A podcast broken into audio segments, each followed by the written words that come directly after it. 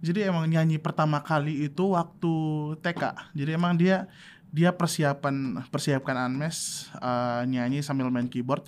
Terus nyanyi di mana Kamir? Di pub dong. Oh iya. Waktu TK. Anak lima tahun masuk pub yang harusnya nggak boleh kan. Mas, uh, lebih baik Anmes nggak punya apa-apa tapi makannya bareng daripada udah punya uh, sesuatu yang uh, bisa dibilang enak. Maksudnya bisa beli apa pun uang lah. Hmm. Tapi nggak bareng sama mereka. Lebih baik kembali ke dulu sih kalau Anmes. Ini mantan terakhir sebelum akhirnya kita pisah dan Anmes fokus ke karir waktu ikut Oh. ajang pencarian bakat. Oke. Ya mutusin mut, mutusin dia juga waktu kayak mau datang Jakarta terus akhirnya bilang aku fokus ke karir dulu ya. Nanti pas Hmm. balik cari lagi. Eh sampai sekarang nggak pernah ketemu. terus akhirnya karena nggak punya duit apa-apa, Ame harus minjem minjem Hmm. buat pulang ke kampung.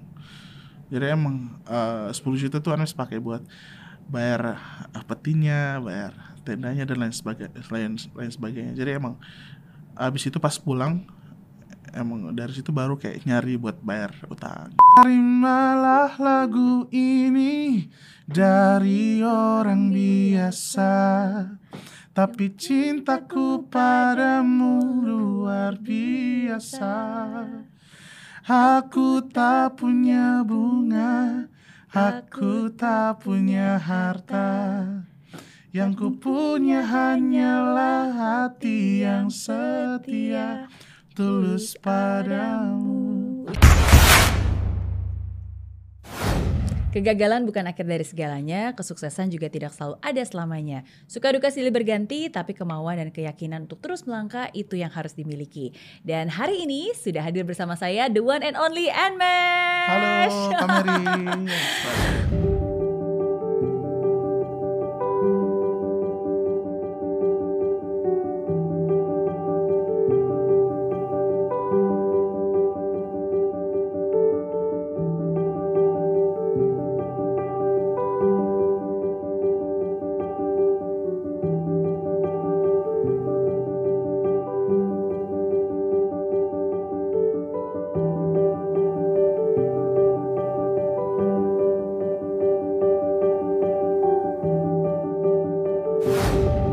Astaga. Senang sekali bisa Noh, di sini. Aku yang senang banget bisa ketemu lagi dengan eh ketemu lagi, bisa, Bisa ketemu, ketemu. dengan Anmesh ya. Ketemunya sih nggak lagi ya. Biasanya cuma ngeliat di video klip Aduh. aja dan dengerin lagunya.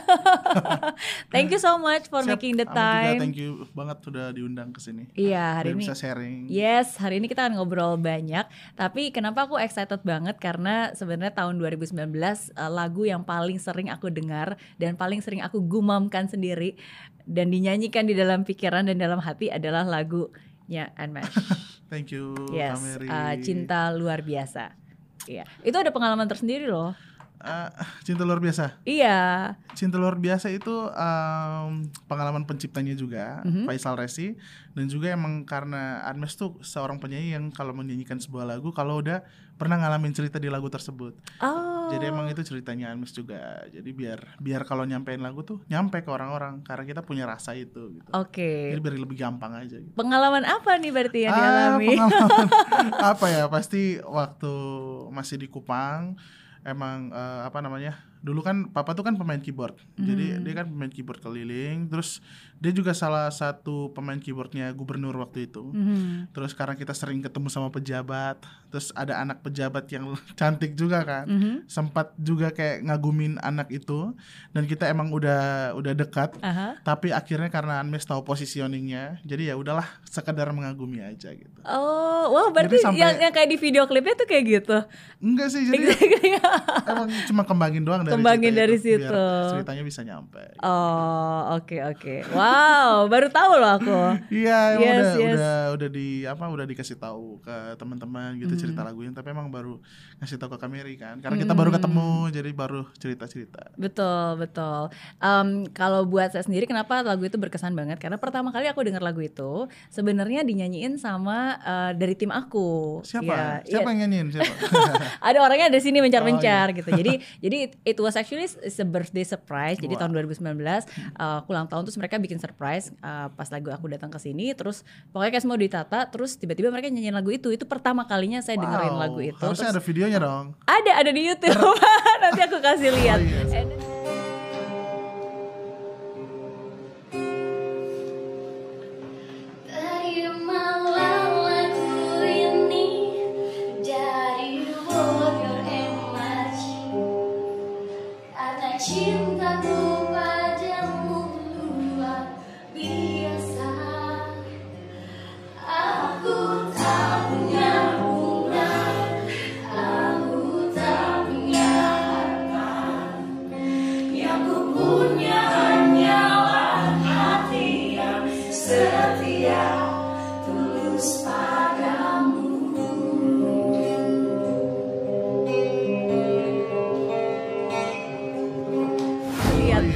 And like uh, ya itu itu memorable banget sih dan dari Wow. situlah akhirnya aku jadi tahu lagunya dan aku jadi suka banget denger karena ya kasih, it was very memorable gitu Terima cinta kasih. luar biasa dan sekarang ketemu langsung dengan penyanyinya Berarti kalau lagunya didengerin Kameri gak jelek-jelek amat lah ya. Oh enggak dong, luar biasa. luar biasa. Nah, nyanyi dong, nyanyi, nyanyi. Terimalah. Iya, iya. Terimalah lagu ini dari orang biasa Tapi cintaku padamu luar biasa. Aku tak punya bunga Aku tak punya harta. Yang ku punya hanyalah hati yang setia Tulus padamu Yeay, Waduh, luar biasa. luar biasa. Kamu hafal loh lagunya. Hafal dong, hafal, hafal referensinya sih khususnya ya, Waduh. karena itu ya it was very meaningful, betul. Jadi apa arti cinta bagi seorang Unmesh? Cinta. Cinta cinta itu bagian mes apa? ya? Keluarga sih. Arti Hmm. cinta buat Anmes itu adalah keluarga. Siapa pun Anmes cinta, dia adalah keluarganya Anmes.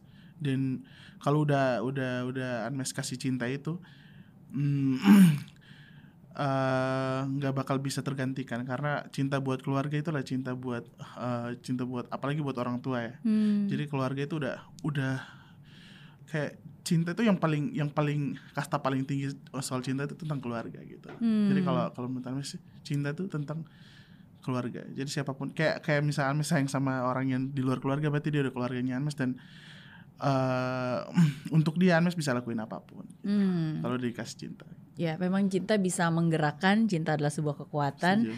Eh, cinta yang membuat seorang anak bisa berjuang. Setuju. Cinta yang membuat eh, orang tua mampu untuk bertahan apa pun Pasti. juga keadaannya. Betul. Dan itu juga yang dialami oleh seorang Unmesh ya. Iya Kameri.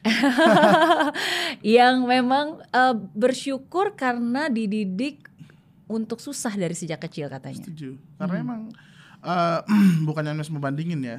Kalau misalkan Anmes dulu tinggalnya langsung di Jakarta Hmm. dengan anak-anak Jakarta yang menurut Anmes karena karena mungkin banyak yang papanya tinggalin kerja, Hmm. ibunya tinggalin kerja dan akhirnya dia kayak kurang kasih sayang dari orang tua. Akhirnya eh, hal yang menurut Anmes tuh simple kayak misalkan ketemu sama orang tua doang tuh itu hilang gitu loh. Kayak Hmm. kita di sana kan walaupun dimarah-marahin orang tua, diajarin yang lumayan cukup keras kan, tapi itu menurut Anmes bakal buat kita supaya attitude kita tuh dija- dijagain dijagain banget. Jadi Hmm. walaupun eh, eh, ketemu banyak orang yang emang udah kayak positioningnya di bawah kita, kita tetap kayak oh dia dia ini kayak harus tetap dihargain walaupun jangan pernah mandingin posisi gitu loh. Jadi kayak Hmm. udah siapa pun siapa pun itu kalau kalau apa namanya eh menurut menurut tetap apa kembali ke ajaran orang tua kita harus tetap mengasihi dia kembali ke agama juga kan jadi Hmm. siapa pun itu Anmes kasih aja gitu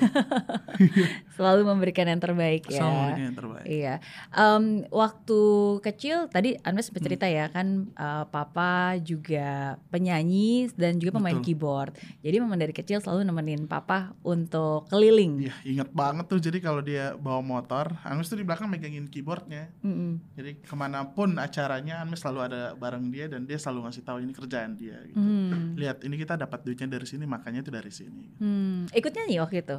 Enggak, enggak belum diizinin sih. Mulai nyanyi itu waktu mulai SMP kelas 1 baru kayak misalkan ada acara terus dia mulai nodong-nodongin satu lagu nyanyi sini ayo nyanyi gitu. Oke. Ikutan aja. Tapi memang dari kecil udah suka nyanyi. Udah, udah suka nyanyi. Iya. Jadi emang nyanyi pertama kali itu waktu TK. Jadi emang dia dia persiapan persiapkan Anmes eh, nyanyi sambil main keyboard. Terus nyanyi di mana Kamir? Di pub dong. Oh iya. Iya. waktu TK. Anak lima tahun masuk pub yang harusnya nggak boleh kan? Iya. dia masukin dia apa namanya masukin Anmes ke pub cuman buat nyanyi main keyboard habis itu pulang Oke. Nyanyi apa waktu itu di lagu pub? lagu daerah sih lagu daerah mana gitu lupa Oke. judulnya tuh doe jadi doe itu ceritanya tentang perjuangan papa sama mama yang lagi kerja gitu Hmm. untuk hidupin anaknya Hmm. Apa siapa lagunya siapa yang punya lagu lupa udah lama banget Iya, berarti dari kecil memang sudah uh, diajarkan dan Hmm. bukan cuma diajarkan ya, tapi kan juga Anmes juga melihat uh, Betul. papa juga nyanyi dan ikut ke mana-mana gitu. Walaupun belum benar-benar nyanyi dan belum diizinin manggung pada saat itu, tapi kan Iya. sudah uh, mengikuti kebiasaannya dan melihat. iya Kak Mary Mm-mm. jadi emang emang eh, papa tuh ngedidik supaya kayak apa pun pekerjaan papa papa ya kayak kayak Anmes tuh ke mana-mana. Anmes sempat papa tuh sempat main di klub gitu-gitu. Terus dia ngajakin Anmes gitu dari kecil. Terus Anmes sempat pulang terus sampai nangis sampai ngasih tahu ke mama jangan papa main di sini lagi ya soalnya tempat itu kayak nggak baik gitu. Hmm. akhirnya papa cuma mau ngasih tahu bahwa dari kecil tuh Anmes harus tahu bahwa apa kita susahnya kayak gimana nyari duitnya Hmm. kayak gimana. Jadi kayak buat makan pun papa harus sampai sesulit ini gitu loh Hmm. jadi kayak Anmes tuh ditanamkan da- dalam diri banget bahwa cari duit itu susah gitu loh jadi kita nggak boleh nggak ngehargain waktu nggak ngehargain uang nggak ngehargain keluarga kita jadi emang eh, didiknya seperti itu Hmm. Sesulit apa waktu pada saat itu keadaannya? sesulit sampai sampai papa tuh sampai nggak enak sama kita gitu. Mhm. Keadaan yang paling sulit tuh yang Anmes inget waktu mungkin Anmes sudah pernah bagikan ke orang-orang sih. Waktu bangun pagi terus tiba-tiba eh, papa tuh ngelihat kita tuh kayak kayak bingung gitu. Kayak bingung terus dia sama mama tuh lagi ngobrol terus akhirnya mama tuh ngeluarin singkong singkong doang. Terus ngumpul terus papa papa tuh minta maaf. Dia bilang dia bilang "Eh, papa minta maaf ya kita cuman bisa makan ini doang. Nanti kalau papa udah punya duit lagi kalian mau makan apa papa beliin tapi Hmm. untuk hari ini kita makannya singkong dong. Terus sampai kakak yang paling pertama yang udah meninggal juga dia tuh meluk kita. Terus dia bilang nggak apa-apa kita makan ini doang tapi kita bersyukur. Nanti Hmm. nextnya mau makan apa kan kita doain supaya papa punya kerjaan lagi. Jadi biar apa namanya kita mau makan apa aja bisa. Jadi kayak di situ tuh Anmes tuh ngebayangin sekarang gitu loh walaupun Anmes sudah bisa beli makan yang enak-enak sekarang tapi kalau misalkan Anmes makan sendiri doang tuh kayak nggak berarti banget tuh makanannya. Jadi kayak Hmm. walau mes eh, lebih baik Anmes nggak punya apa-apa tapi makannya bareng daripada udah punya eh, sesuatu yang eh, bisa dibilang enak. Maksudnya bisa beli apa pun uang lah Hmm. tapi nggak bareng sama mereka lebih baik kembali ke dulu sih kalau Anmes Karena Ya. pada saat susah waktu itu, walaupun mungkin hanya bisa makan singkong rebus, Mm-mm. tapi at least dinikmati bersama betul sama keluarga full waktu itu masih ada formasi lengkap gitu. formasi lengkap, masih ada ayah, ibu, kakak, adik-adik juga. ya Iya. benar. Oke. Dan sekarang yang kata Anles bilang, walaupun mungkin Anles bisa beli segalanya, Hmm. ya tapi lebih prefer mendingan dulu gitu ya, Iya, benar. belum ada apa-apa tapi Setuju. masih bersama keluarga. Oke. Tapi saya selalu percaya bahwa em, apa ya, sesulit apa pun keadaan pasti selalu ada pembelajaran yang berharga ya. Walaupun sometimes kadang-kadang kita juga nggak mau sebenarnya melewati masa-masa sulit itu. iya Iya. Tapi kalau kalau pada saat itu umur berapa Anmesh? waktu yang makan Yang singkong makan itu singkong? SD kelas 5 kalau nggak salah SD kelas 5 atau 4 gitu Hmm. emang emang masa-masa di mana ya udahlah Mm-mm. hidup tuh cuma buat main-main doang gitu. iya. nggak iya. mikir sampai sampai kayak ada di posisinya papa tapi sekarang udah oh iya sesulit itu ya Hmm, tapi emang cita-cita pengen jadi penyanyi? Iya emang cita-cita tuh dari dulu pengen penyanyi kalau nggak petinju Oh iya, oh beda banget. Nggak jadi emang petinju. waktu SMP sempat latihan tinju Oh iya. tapi emang dicegah sama papa katanya nyanyi aja biar bisa bikin orang senang dengan mudah gitu lah Oke. daripada harus susah-susah gitu tonjok-tonjokan Oke. terus akhirnya bisa geger apa dan lain sebagainya. Kenapa mau jadi petinju? lingkungan sih lingkungannya Pak RT-nya kita waktu itu eh, guru sasana tinju Mhm. Terus akhirnya dia tuh ngumpulin anak-anak kayak yang asik maksudnya yang yang mau latihan tinju Mhm. terus akhirnya Anmes tuh jadi juara di sasana itu Oke. dan mewakili sasana itu main antar sasana di kota Kupang Aha. udah mau main ditarik sama papa nggak boleh nyanyi aja lebih mudah bagian orang kan Iya. ya emang emang saran dari orang tua itu emang jalan dari orang tua itu yang yang paling terbaik ya, Hmm. dia udah tahu lah gitu loh Memang arahnya memang harusnya nih Iya. the purpose of your life ya dinyanyi gitu Iya. bukan ditinju gitu Bener. ya. Oke. Wow, nggak kebayang sih kalau Anwar jadi tinju bahaya jangan jangan jangan Oke. Tapi sampai sekarang masih latihan. Oh ya. Hobi juga sih. Emang hobi juga, Ya. tapi nggak pernah kayak ikut competitions Enggak, atau enggak, ya Buat olahraga aja. udah. buat olahraga. Oke. Tapi pada saat itu ya em, pernah nggak sih misalnya kayak ah, ayah manggilnya papa atau ayah?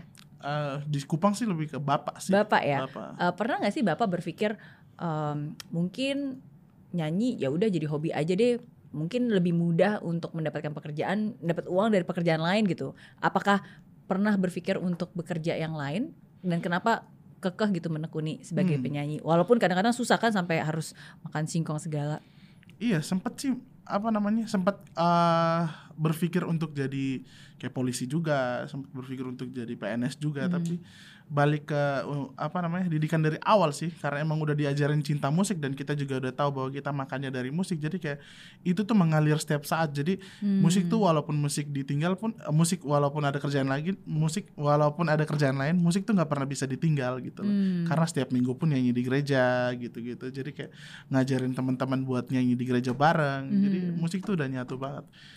Ya, sempat abis SMA itu sempat honor sih, sempat honor di salah satu eh, perusahaan swasta. Mhm. Terus abis itu kayak nggak nggak nggak cocok gitu, nggak cocok Hmm. karena emang harus tiap hari bangun pagi gitu. Dan emang dari situ bukan sadar bukan bahwa orang kantoran rutinitas ya dari situ sadar bahwa oh iya bukan di sini sih jadi emang harus benar-benar fokus ke talenta yang udah Tuhan kasih jadi emang eh, musik aja deh kayaknya gitu Hmm, Oke, Em, jadi eh, kalau boleh tahu berarti waktu itu papa meninggal umur berapa? kalau papa meninggal 48 deh eh 49 Ah, waktu itu 49. Anmes berarti masih, masih SMA kelas 1 SMA kelas 1. Oke. Apakah itu yang membuat Anmes akhirnya ingin melanjutkan jejak Bapak dan akhirnya nyanyi dan menjadikan ini sebagai profesi?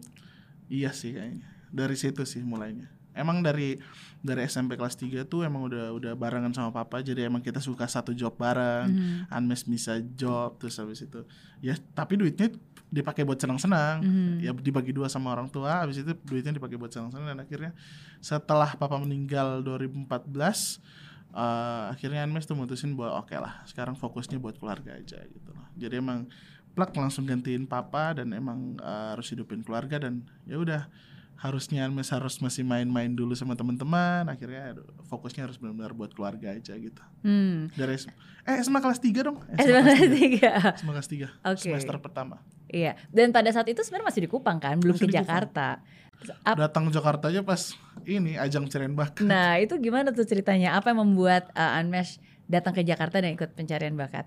Ceritanya tuh lewat Instagram Mhm. jadi emang sering nyanyi lagu rohani di Instagram Hmm. terus habis itu ada yang DM di Instagram minta nomor WhatsApp buat uh, nawarin mau ikut Rising Star nama Mhm. ajang pencarian bakatnya terus kayak Hermes tuh apa namanya dari dulu tuh kan kita cuma tahu Indonesian Idol doang kan Iya. jadi oh Rising Star sama Indonesian Idol beda nggak kak gitu ini beda kok kak jadi ya Anmes cuman kayak oke lah daftar aja ikutin aja eh, prosedurnya siapa tahu emang ini jalan Tuhan buat Anmes gitu. Mhm.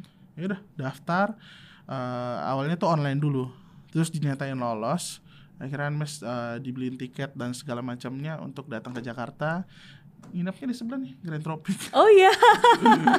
Oke. terus datang nginep di situ Masih inget ya? di karantina ya Iya iya iya. karantina selama beberapa bulan terus nyanyi sampai ya udah tuh semua tuh mengalir begitu aja kayak emang ini nih jodohnya Anmes dan akhirnya juara gitu. Hmm. Dan waktu itu nggak bilang ke keluarga bahwa sebenarnya lagi ke Jakarta untuk ikut ajang pencarian bakat bener. kan? jadi emang pas audisi awal tuh mama nggak tahu sama sekali begitu tanya Anmes mau ke mana mau ke Jakarta mah ngapain ada job di Jakarta Hmm. harus nyanyi di Jakarta oke berapa hari tiga hari doang mama oke karena Anmes juga takut kayak mama tuh malu gitu loh sampai sana terus nggak lolos gitu kan Hmm. Oke lah, jadi sampai sini ngelakuin yang terbaik, lolos audisi. Pas pulang, pas mau tayang di TV baru Anmes ngasih tahu, Mama buka TV nanti malam Anmes nyanyi di TV. Oh iya. Hah? Sejak kapan dia bilang gitu? Pas nonton TV, kumpul sama keluarga satu rumah, nonton sambil nangis-nangisan tuh di situ. Nangis-nangisan kena nangis-nangisan terharu. Harunya tuh kayak Anmes tuh kayak wah buat bangga banget gitu lah. Sesimpel Iya. itu sih kita bahagia. Iya iya. Karena mereka berpikir bahwa ini kapan kapan Iya, syutingnya kan nggak ada Terus yang Anmes tahu. tahu yang ke Jakarta itu Mama gitu. Hmm. Baru dia tahu. Oke. Wah, Anmes ngebohongin mama ya katanya. A- Apa komentar pertama yang waktu itu diucapkan ketika tahu bahwa Anmesh memenangkan Rising Star? Kalau mama sih selalu ingetin sih. Pokoknya dia dia bilang apa? Dia kasih selamat terus dia peluk di belakang di backstage. Dia peluk sambil sambil nangis dia bilang pokoknya kakak harus tetap rendah hati biar Tuhan yang tinggikan eh katanya gitu. Hmm. Mama tuh orangnya tuh rohanian banget. Jadi emang dia selalu ngingetin Anmes. Sa- Satu-satunya orang yang bisa bisa ngeblok semua keinginan-keinginannya Anmes. Jadi kayak dia bisa batasin gitu.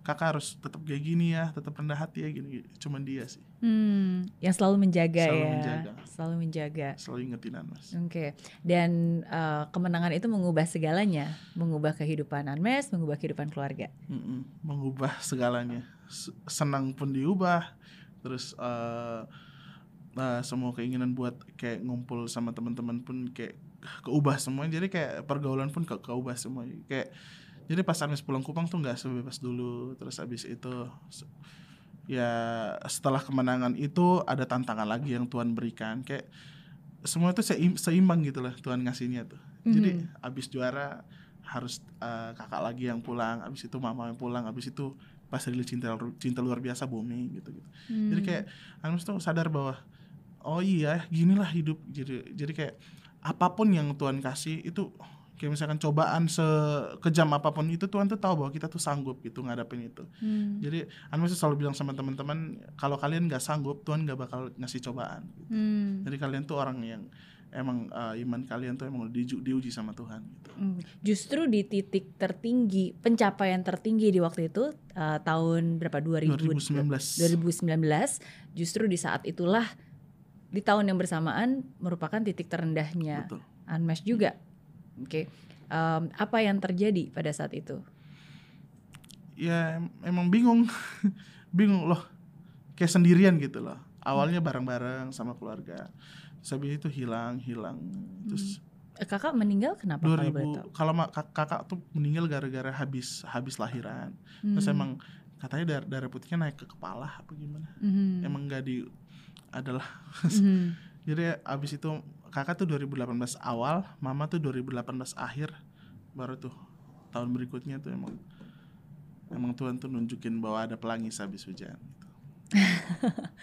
Oke. tapi ya kayak kosong aja gitu Iya, iya.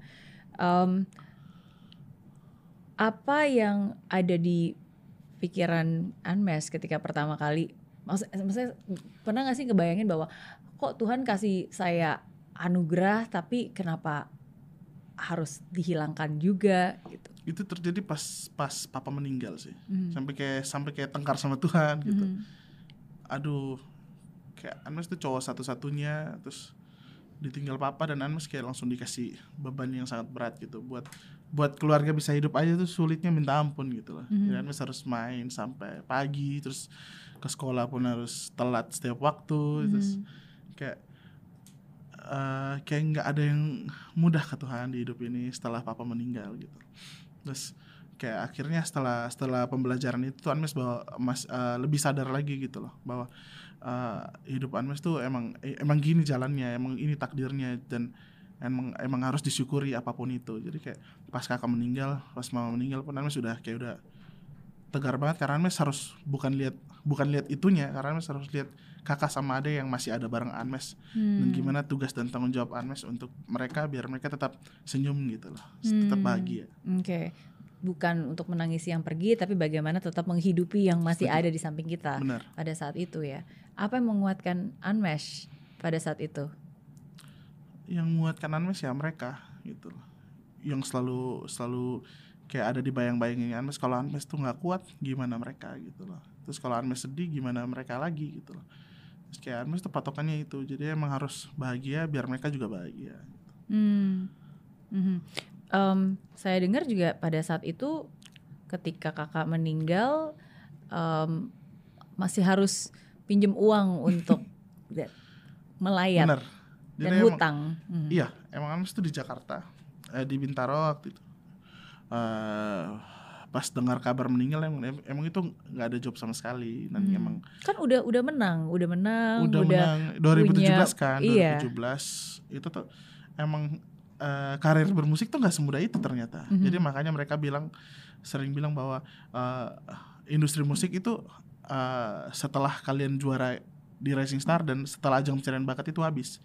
Itulah industri musik sebenarnya gitu. Hmm. dan setelah juara itu baru Anmes tahu bahwa semuanya itu nasibnya ada di single ada di lagu dan lain sebagainya. Kalau kalian lagunya nggak laku berarti ada tahun berikutnya tuh hancur tuh. Oke. jadi emang tahun 2017 rilis single tapi nggak begitu banyak didengar.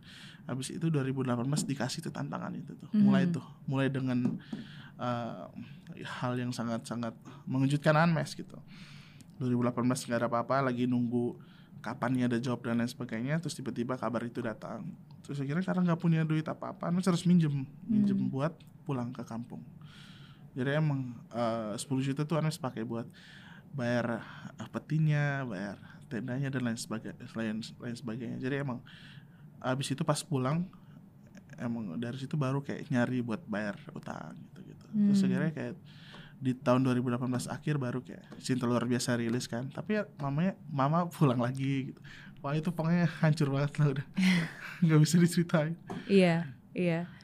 Em, nggak pernah bertanya lagi kepada Tuhan kenapa seperti ini.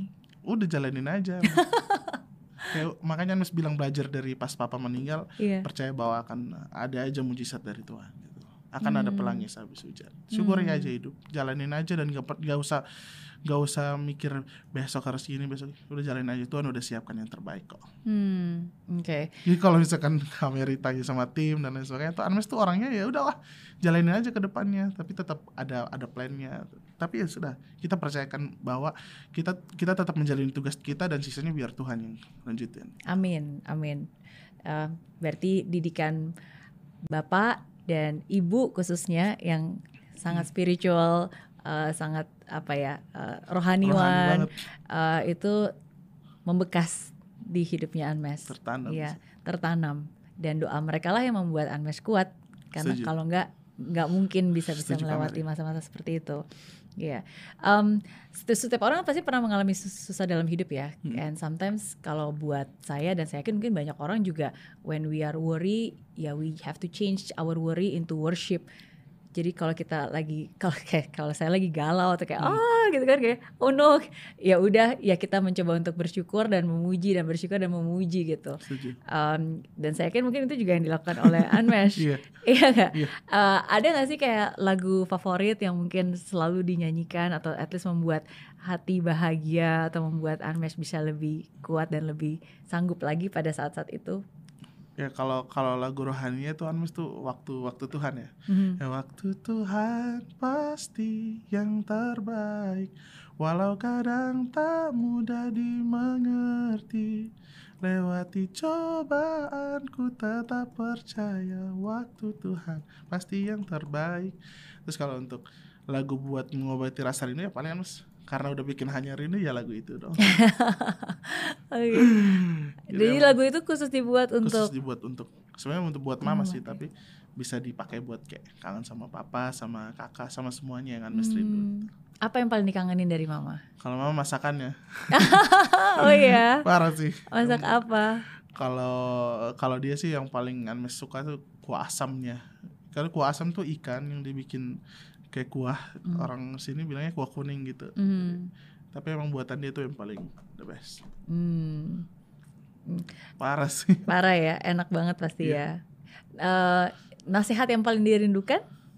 Ya, kalau nasihat ya Anmes inget itu. Jadi emang tetap Anmes pegang dan Anmes selalu bagikan. Tetap rendah hati biar Tuhan yang tinggikan. Hmm. Katanya gitu.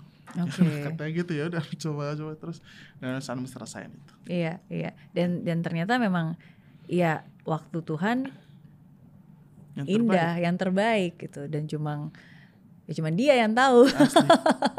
Iya kan karena cuma dia yang, yang memberikan rencananya ya. Dan tapi itu terbukti ya karena setelah tadi Anes bilang ah, setelah hujan pasti ada pelangi. Hmm, Mhm. Jadi eh, nggak pernah nyangka bahwa ternyata lagu em, Cinta luar cinta biasa. luar biasa yang membawa Unmesh bisa menjadi seperti yang sekarang dan mendapatkan penghargaan dan apresiasi juga dari banyak orang Tapi dan sebanyak banyak di depannya ya. harus tetap rendah hati biar Tuhan yang tinggikan ya kan ini salah satu contoh orang eh, orang luar biasa ya harus tetap humble karena di luar tingginya karena cuma punya lagu cinta luar biasa. Orangnya biasa aja. Oke. tapi em, Menurut Anmes apa yang uh, titik balik yang membuat lagu itu menjadi luar biasa?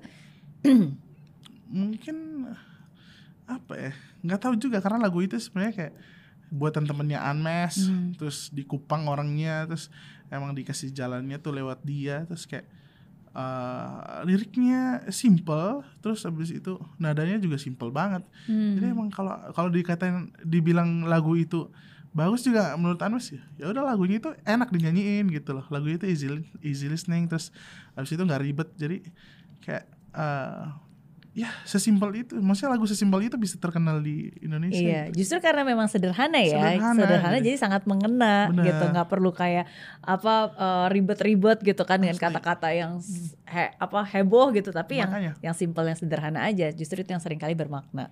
Iya sih. Mm-mm.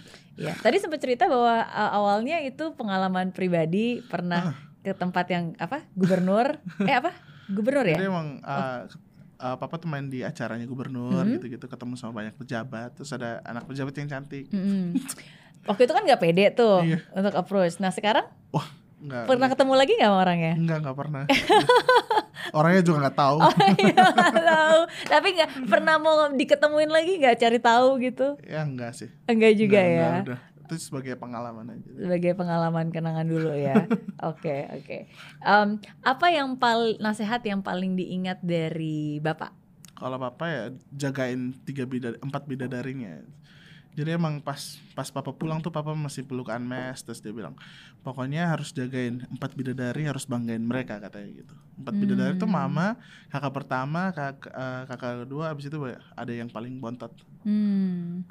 semuanya cewek kan jadi harus harus dijaga banget iya iya iya. Dan dan sekarang pun juga sampai eh, sekarang. sampai sekarang pun juga tetap dijaga ya. apa apa harus mereka dulu. Kita prioritasin mereka, Mereka ada di Jakarta sekarang. enggak mereka masih di Kupang malah. Oh oke oke, nggak ada keinginan untuk eh, ke Jakarta. sebenarnya 2020 kemarin cuman ya covid lagi. Hmm, Oke, tapi em, suatu saat pengennya sebenarnya Pengen mereka di Jakarta. Oke oke. Atau Anmesh ada keinginan mungkin untuk balik ke Kupang? Enggak sih, kayaknya harus di sini semuanya. Di sini Jadi ya. emang setelah eh, mikir panjang emang harus harus semuanya di sini supaya kayak karir bermusiknya Anmes tuh eh, benar-benar fokus karena kalau emang masih di sana kan harus bolak-balik kan. Iya. Jadi biar bareng di sini biar eh, happy bareng-bareng di sini nggak usah harus pulang lagi ke sana gitu. Iya, iya. Dan memang kalau misalnya ingin berkarya akan jauh lebih banyak. Maksudnya memang tempatnya kan biasanya di ibu kota ya, Mm-mm. karena kan memang aksesnya ada di sini. Dan tapi walaupun di sini pun yang eh, ya karyanya bisa dinikmati di di mana-mana juga. Satu-satunya kota yang mau bermusik terus bisa sukses tuh Jakarta udah. Udah. Jakarta udah. Iya, tapi sekarang bukan cuma musik loh, jadi youtuber juga, Waduh. bikin channel YouTube Wah. sendiri. Ntar kita undang kamera. iya kan? Dan aku ngeliat ada apa eh, playlist baru nih, kamar Kamar Anmes, Anmes. astaga. Kamera bisa nyanyi juga kan? Enggak juga sih, Bisa penyanyi dong. latar nyala dikit dikit dikit dikit. Kita nyanyi bareng di kamar Emang harus bisa syarat untuk bisa ke kamar Anmes harus bisa nyanyi. juga sih, kan tadi sempat denger pecah suara kan. Oh, iya. Harusnya ada jago dong. Ya kamera ya. Boleh boleh dikit dikit Oke. dikit dikit. Karena aku dulu suka waktu SMP SMA kan sekolah cewek semua. Oh, Eh, di Santa? Ursula oh. perempuan semua. Terus waktu itu eh, aku eh, kita bikin eh, akapela kecil-kecilan lah gitu berlima. Aku emang suaranya alto, jadi emang suka nyari-nyari pecah-pecah suara gitu. Asik. Pas nyanyi kan cinta luar biasa terus tiba-tiba pecah suara. Wah, Oh, enggak cuma dikit-dikit doang.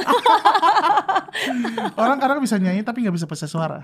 Oh gitu. Ya, artis-artis tuh banyak yang bisa nyanyi, tapi dia untuk pecah suaranya kadang belum bisa gitu loh. Oke oke Ada oke. beberapa. Ya bosnya sih pecah pecahin aja ya. Asik. Mau enak gak enak urusan belakangan. Beda dulu. Biar pecah. Aduh kacau kacau. Iya iya iya enggak sih tapi ya ya. Anyway balik lagi ke kamar Anmes dong. Kamar Anmes. Jadi kamar Anmes ini eh, jadi youtuber sekarang. Eh, iseng-iseng aja sih. Mhm. Jadi emang sempat berunding sama tim karena udah punya tim juga kan. Jadi kayak Hmm. Ah daripada kita eh, eh, nganggur pas offer nggak ada ya udahlah kita bikin bikin aja YouTube gitu jadi kayak Hmm. jalanin aja lumayan kan subscriber juga juga banyak yang bisa tonton terus banyak yang juga kita bisa sharing kan terus habis itu kayak manfaatin aja alat-alat di rumah ya udah Iya, iya. kayak gitu Oke, lebih suka nyanyi atau ini? nyanyi dong Iya, oke. Dan sekarang juga bikin musik dong. bisa Bikin lagu. bisa Oke, ada lagu terbaru nih yang katanya em, terinspirasi dari mantan. wow Bener gak? Tiba-tiba. Iya, iya, benar benar. Jadi emang selain sibuk bikin lagu, terus ada bikin lagu buat orang lain juga dan emang kemarin rilis lagu yang baru tuh judulnya tiba-tiba itu eh, supaya bikin lucu-lucuan aja sih. Hmm. Jadi emang pas kangen sama mantan tuh nggak usah ketemuan, nggak usah eh, aja kayak reunian. Ya udahlah, we reunian. Astaga. Oke. Jadi kayak lewat lagu aja juga bisa kok gitu. Oke. Rasa ini tiba-tiba gitu. Ya, eh coba coba nyanyi gimana gimana gimana. Ref nih gitu. Rasa ini tiba-tiba ada setelah sekian lama kita berpisah atau mungkin memang masih ada rasa semoga dia rasakan yang sama gitu. Je. Oke, Aduh. jadi ini ceritanya gara-gara eh, ingat mantan pas lagi ada di Makassar. benar Iya. Jadi emang pas landing di sana biasanya kan kalau mau bikin lagu tuh ada lirik yang nyantol di kepala kan. Mhm. Jadi pas lagi nyantol ya tiba-tiba aku teringat dirinya. Ya udah tuh berlanjut tuh sampai hotel masih dipikirin sampai harus selesai baru. Harusnya kalau bikin lagu harus sampai selesai kalau nggak sampai selesai tuh bakal lama lagi baru bisa dikelarin tuh lagu. mumpung lagi ini kan, Bener. lagi apa namanya, lagi connect Lagi gitu connect. kan, jadi diselesaikan. Iya. Oke, nah sekarang pertanyaan mantannya siapa nih? Waduh. mantan man, ini mantan terakhir sebelum akhirnya kita pisah dan Ames fokus ke karir waktu ikut Oh. ajang pencarian bakat. Oke. Ya mutusin mut, Ame, Ame mutusin mutusin dia juga waktu kayak mau datang Jakarta terus akhirnya bilang aku fokus ke karir dulu ya. Nanti pas Hmm. balik cari lagi. Eh sampai sekarang nggak pernah ketemu. Oh, tapi masih in contact. Enggak, nggak pernah Oh, kontak Oke, lagi. makanya hanya bisa nyanyi lewat lagu, Kayak bisa ngirimin lagu. doang. ngirimin lagu. Oke.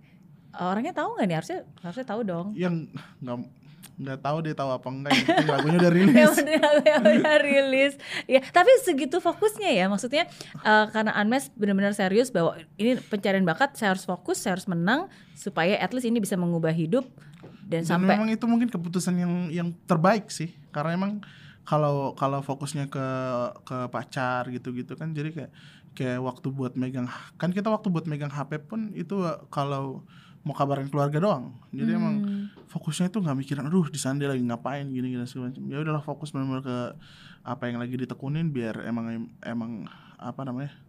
bisa benar-benar fokus dan emang nggak ada yang ganggu gitu loh. Emang itu Hmm. keputusan yang terbaik juga sih. Oke, oke. Se- Sesulit apa sih dunia industri hiburan di Indonesia? Sesulit apa ya? Hmm, sampai sekarang sih yang sulitnya itu adalah eh, oh ya ini. Jadi emang eh, harus benar-benar fokus pada diri kita sendiri gitu. Hmm, Sulitnya tuh kalau misalkan kita udah fokus ke orang lain, kita tuh bisa bisa terpengaruh gitu loh. Jadi emang nggak pede sama karakter yang kita punya dan lain sebagainya. Jadi sulitnya di situ. Jadi kar- karena banyaknya karakter di seluruh Indonesia dan eh, banyak yang viral dengan karakternya, jadi kita tuh kepancing gitu loh. Wah, kayaknya Oh. pakai karakter dia aja nih gitu. Jadi kayak orang tuh banyak yang akhirnya eh, nggak bisa bersaing tuh karena emang dia nggak percaya diri sama apa yang dia punya gitu. Hmm. Nggak percaya diri sama kualitas dia sendiri. Dia lebih percaya diri untuk make gayanya si A mungkin gitu. Oke, terbawa ya karena ngeliat oh kayaknya lagi tren seperti ini nih, kayaknya disukain nih tipe-tipe karakter seperti ini. Akhirnya ya udahlah kita mencoba menjadi seperti itu padahal itu bukan Setuju. bukan diri kita sendiri Kalau ya. kata Mas Yofi, Hmm? kata Mas Yofi kita bisa gila cuman gara-gara mikirin orang lain gitu loh. Mending kita Hmm. fokus sama punya kita gitu. Oke, Yovie dan setia pada prosesnya. Setuju. Iya. Tapi itu sih mungkin banyak orang em, kekurangan terbesar manusia menurut saya adalah ketika dia tidak tahu apa kelebihannya. Setuju. Iya. Bener, bener. Dan sometimes ya kadang-kadang dia nggak nggak tahu gitu sebenarnya kelebihannya dia tuh apa sih gitu, apa yang bisa ditonjolkan dan Benar. itu yang menjadi kekurangan sebenarnya. Setuju. Hmm. Dan Mes pun tersadar waktu Mas Yofi nggak bilangin kata-kata itu kan Mes. Dan pas dia bilang kayak gitu oh iya juga ya ngapain kita mikirin orang lain sedangkan kita punya cara tersendiri untuk kembangin dan nunjukin bakatnya kita gitu loh Hmm, dan percaya diri sama bakat yang kita punya Iya. cara kita Iya. Jadi stylenya Unmesh tuh seperti apa nih berarti? stylenya ya udah lempeng aja Oh nyanyi dari Tulus hati ya, aja. tulus Nyanyinya aja tulus, ya. gitu. Oke, dan memang lagu-lagu yang dinyanyikan juga memang setipe. Yang tadi kan lagu yang memang dari Benar. hati dan memang ya memang jiwanya dan memang soulnya adalah soul and ma- dari hati sampai ke hati Dari- dari hati sampai Oke, oke, oke. Nah, eh, sekarang berarti eh, ada beberapa pertanyaan yang harus dijawab dengan cepat ya, Oke, Amesh oke. ya. Yeay, oke. Kalau gitu pertanyaan yang pertama, Eh, apa penyesalan terbesar? penyesalan terbesar oh iya setiap kali setiap kali beli HP sih Oh iya, setiap kali beli HP sih soalnya kenapa? Anes tuh gak pernah menyesali apa pun yang Anes sudah lakuin karena emang percaya bahwa itu tuh yang terbaik gitu Iya. kalau yang sesali itu beli HP sih Kenapa karena beli HP? ngikutin zaman doang Oke. karena ngikutin zaman jadi kayak kemarin iPhone 11 keluar terus eh, beli terus habis itu 12 beli padahal masih ada iPhone 11 gitu itu sih yang paling Hmm. sesali kalau di hidup nggak ada yang sesali Hmm. Ya, karena everything happens for a Yes. reason. Ketika Tuhan mengizinkan, ya Tuhan tahu ada yang hal apa pun terbaik. itu keputusannya udah udah tahu bahwa itu pasti yang terbaik dan emang Tuhan udah izinin itu Hmm, oke, oke. Berarti sekarang handphonenya yang paling terbaru dong nyesel banget sudah Nyesel banget. Nyesel banget. Karena masih yang masih yang lama masih, Masih bagus sebenarnya gitu. ya. waduh Oke, oke, oke. Iya. Oke, apakah udah puas dengan pencapaian yang sekarang? belum Hmm. Apa ya yang masih ingin dicapai? Eh, masih banyak sih jadi emang pengen eh, step by step dari penyanyi harus bisa nyiptain lagu sendiri udah habis itu harus bisa nyiptain lagu buat orang lain ini hari Jumat nih lagu pertama yang harus ciptain buat orang lain dirilis Oh, Yes. oke. Kasih bocoran dong. lagunya Nuka Kagum judulnya Oke. terus harus bisa memproduksi musik di setiap lagu yang Unmesh Unmesh uh, rilis terus habis itu nextnya mau jadi produser banyak sih Hmm. emang masih banyak Masih Dan- banyak mimpi-mimpi yang pastinya akan dicapai ya. Aku baru inget loh, kemar eh, dua minggu yang lalu aku saya baru syuting Hmm. vis- film layar lebar. Iya. Terus kalau nggak salah aku ngeliat kayaknya eh, sound lagunya Iya by Unmesh. Oh iya, memang biasanya kayak gitu-gitu tuh uh, dari publishing udah udah minta ke Unmesh lagu yang bisa dipakai buat film, buat apa dan lain sebagainya, apa aja nih? Oh. Oke lagu ini hanya Rindu mungkin, hanya Rindu tuh Unmesh nggak ngasih. Iya. Terus habis itu kayak misalkan mereka, oke ada Komodia, ada Cinta Luar Biasa dan sebagainya, boleh silahkan gitu. Oke. Ntar biasa mereka ngasih tahu ya ke belakangan. Oke. Bagaimana menentukan misalnya kayak contohnya lagu Hanya Rindu. Kenapa hanya lagu Hanya Rindu eh, tidak boleh? How special it is? Kenapa? Karena itu buat khusus buat Unmesh doang gitu. Oh. Jadi emang itu sakral banget lagunya itu emang karena uh, Unmesh saking sayangnya sama orang tua. Jadi kayak lagu itu kan Unmesh pakai buat Unmesh sendiri dan walaupun kalian mau terwakilkan lewat lagu itu tapi itu lagu milik Unmesh gitu loh. buat mama. Hmm, Oke. Jadi emang jangan dipakai buat aneh-aneh. Jangan dipakai buat yang lain-lain itu segitu spesialnya ya. Makanya. Berapa lama waktu yang dibutuhkan waktu itu untuk membuat Kalau lirik sama nadanya untuk polosannya itu 15 menit. Jadi Ah. emang pas bangun pagi terus lagi kangen sama mama, biasanya itu ada ritual khusus. Jadi kayak emang harus telepon pagi sama dia, tanya udah masak apa belum, udah makan. itu setiap pagi Setiap biasanya nelpon mama untuk nanya. Telepon terus. Wow. Bahkan sampai mau take vokal tuh harus minta doa dia gitu. Mama beta mau take vokal nih, mama doa kasih beta ya gitu. Siap kakak, jangan lupa berdoa gitu gitu. Oke Hmm. siap gitu. Jadi emang pagi-pagi tuh harus telepon sama dia dan pagi itu nggak bisa, terus harus nangis aja bikin lirik lagu itu dan jadi. Hmm. Terus langsung Unmesh kirim ke label, terus katanya lagunya bagus. Oke kita proses lagi ini, kerjain dan rilis lah tuh bulan Maret tuh. Mama meninggalnya 2018 Desember, eh, 2019 bulan Maret kita rilis lagu itu. Hmm. So it was so meaningful ternyata ya Lagu itu khusus dan lagu spesial itu banget. khusus dan spesial. Kayak martabak spesial. Eh. Ngelawak. Oke. Biar nggak Um, sedih banget udah. udah. biar nggak sedih sedih-sedih. banget betul betul tapi eh, ya maksudnya saya selalu percaya bahwa love never dies Yes. sih maksudnya walaupun mungkin orang yang nggak ada tapi cintanya akan selalu ada selalu dan ada. pasti ya ini kan cuma masalah eh, beda dunia aja ya tapi in spirit she's always there definitely Mm. Oke, Em, berikutnya eh, siapa orang yang paling berjasa dalam perjalanan karir Unmesh? Papa. Jadi Hmm. emang karena dia Unmesh bisa sampai sekarang, terus habis itu karena emang uh, dia Unmesh bisa main musik, karena dia Unmesh bisa nyanyi. Jadi itu emang dasarnya dari situ. Dan Hmm. akhirnya siapa orang yang paling penting Unmesh jawab apa. Hmm. Eh, kakak adik ada yang bisa nyanyi juga? Semuanya bisa. Oh, Dan semuanya tuh wajib nyanyi di gereja kalau papa masih ada setiap oh, minggu. Oke. Kalau nggak nyanyi marah dia. Katanya harus balikin talenta pada Tuhan. katanya. Jadi semua kalau setiap hari Minggu tuh ke gereja tuh pasti Pasti nyanyi, Tapi pas Anda sudah pindah ke. Jakarta, itu udah jarang tuh. Oke, adik nggak nggak mau ada rencana untuk mungkin ikut pencarian bakat juga kah, atau jadi artis juga ikut Kalau nyanyi? kalau Almi sih cewek fokus ke sekolah dulu ya. Heeh. kalau cewek, karena kalau cewek nyanyi, ya Almi kayak gimana gitu.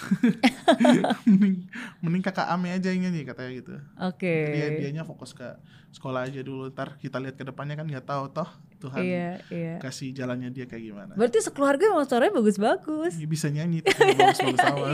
Iya termasuk mama juga bisa, Bisa. nyanyi.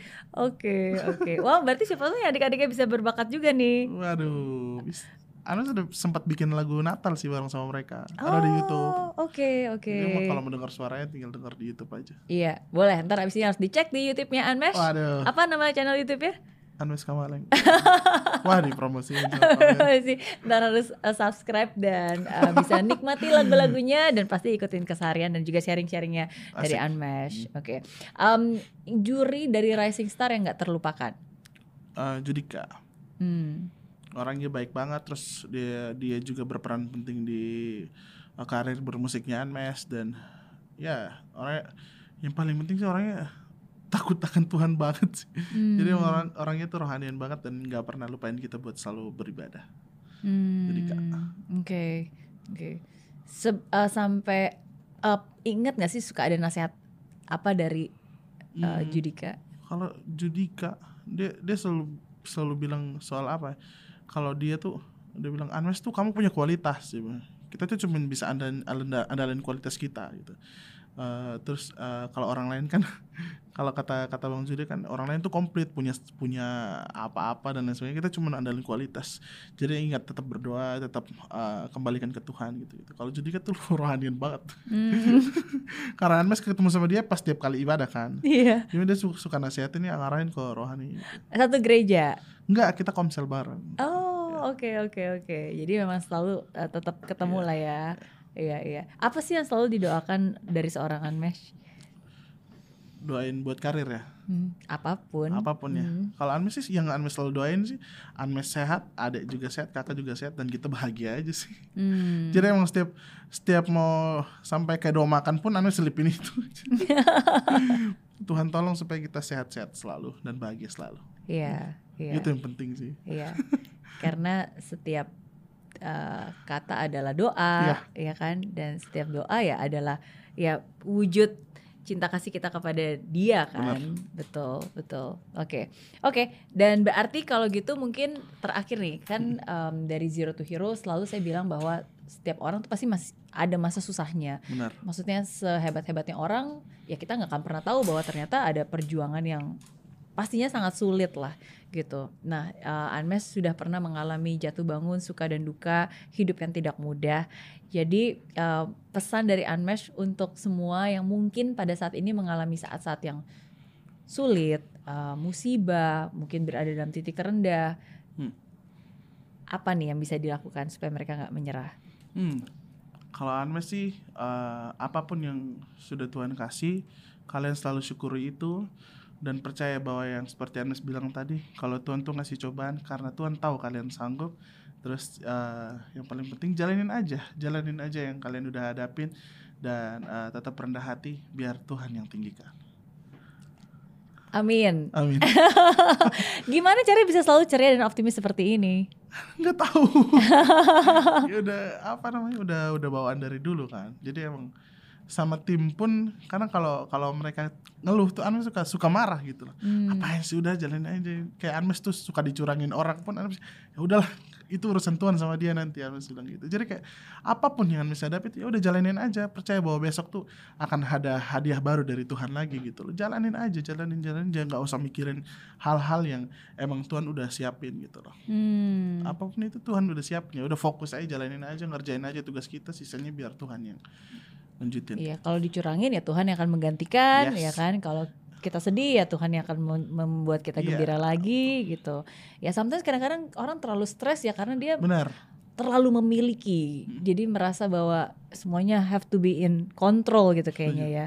Dan ketika kita melet go and melet God ya mungkin kita bisa lebih ringan menjalani hidup. Betul. Aduh, Kak Mary. Unmesh. Ajarin nyanyi dong. Gak usah ajarin nyanyi deh. Nyanyi aja deh nanti. Oke, tapi thank you, thank Siap. you so much sekali lagi Thank sudah juga, uh, berbagi cerita. Terima kasih juga sudah selalu menguatkan. Uh, sometimes kadang-kadang inspirasi itu nggak perlu dikatakan, tapi kalau kita melihat orang itu bisa tegar dan melalui apa yang pernah dilalui itu aja sudah cukup untuk bisa menjadi inspirasi. Sometimes kadang-kadang buat saya sih saya selalu bilang, ah kalau dia aja bisa, masa sih saya nggak bisa? Gila, dia aja tuh lebih susah loh dari kita gitu kan, masa segitu aja kita mengeluh gitu kan. Yang sometimes kadang-kadang itu aja sudah cukup Iya. sih untuk membuat Kami harus dengerin lagunya Anmes tuh yang judulnya Senyumlah. Ah. Itu tuh ceritanya em, eh, kalau itu kan Anmes pengalaman hidup banget tuh. Hmm. Jadi Anmes tuh pengalaman hidupnya ditaruh ke situ. Jadi lagu itu menceritakan tentang kalau kita berada di titik yang paling sulit banget, kita harus lihat orang lain yang lebih susah dari kita. Hmm. Masih banyak yang lebih susah dari hidup kita dan kita harus senyum jalanin hidup kita. Jadi judul judul lagunya tuh Senyumlah. Hmm. Jadi kalau Anmes tuh lagi lagi kayak kayak lagi jatuh banget Anmes denger lagu itu. Jadi emang itu kan curhatannya Anmes banget tuh. Iya. Kisah hidupnya Anmes banget. Lagu itu lagunya dari semua lagunya sebenarnya curahan hati semua ya. Iya. Jadi emang nggak pernah mau ngada-ngadain cerita gitu loh. Oke. Nggak pernah mau oke. ngarang cerita gitu loh. Biar Iya. lagunya tuh bisa bisa bisa nyampe ke orang-orang. Iya. A- apa nih liriknya nyanyiin dong yang senyum lah, senyum lah. Eh, bila esok nanti kau sudah lebih baik Jangan lupakan masa-masa sulitmu. Ceritakan kembali pada dunia. Caramu mengubah keluh jadi senyuman. Senyumlah syukuri hidupmu. Tunjukkan pada dunia bahwa kau mampu Masih banyak yang lebih susah hidupnya Senyumlah syukuri hidupmu gitu. Wow. Ada banyak kekuatan Yap, dari kata-kata tersebut. Dan simple aja pastinya menguatkan orang-orang juga yang mungkin sekarang lagi susah tapi ya Setuju. ya senyum aja. Senyumin aja. Senyum bukan karena kita tahu bahwa kita punya jawaban tapi senyum bahwa kita tahu bahwa kita akan baik-baik saja karena Betul. kita nggak sendiri. Hmm. Mm-mm. Thank you so much. Kameri, terima kasih banyak Thank you so much De Unmesh. Kamu manggil aku aku jadi manggil De. Tapi thank you. Uh, saya dikuatkan oleh begitu banyak hal-hal yang kamu bagikan hari ini. Thank you so much. Terima kasih sudah menjadi berkat bagi banyak Sama-sama, orang. Terima kasih juga udah uh, membuat karya-karya yang pastinya bisa dinikmati sepanjang masa dan bisa menguatkan kita. Sukses buat uh, lagu barunya. Sukses juga buat Sukses juga buat YouTube-nya. yang belum subscribe bisa langsung subscribe ke channel YouTube-nya Unmesh. Aduh, jadi youtuber Oke, dan thank you. Seperti saya bilang, setiap um, pengalaman, setiap cerita ada pengalaman berharga dan semoga cerita dari Unmesh hari ini bisa menjadi pengalaman berharga bagi kalian semua. Apa pun yang terjadi, fight till the end and never give up. God bless you. Bye bye.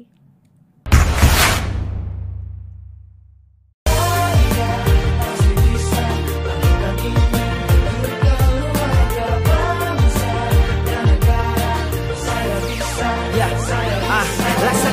tanpa hujan, hidup tanpa tujuan, kering dan mati tanpa hijaunya tumbuhan. Ah, demikian kalau mimpi tak kunjung terjadi.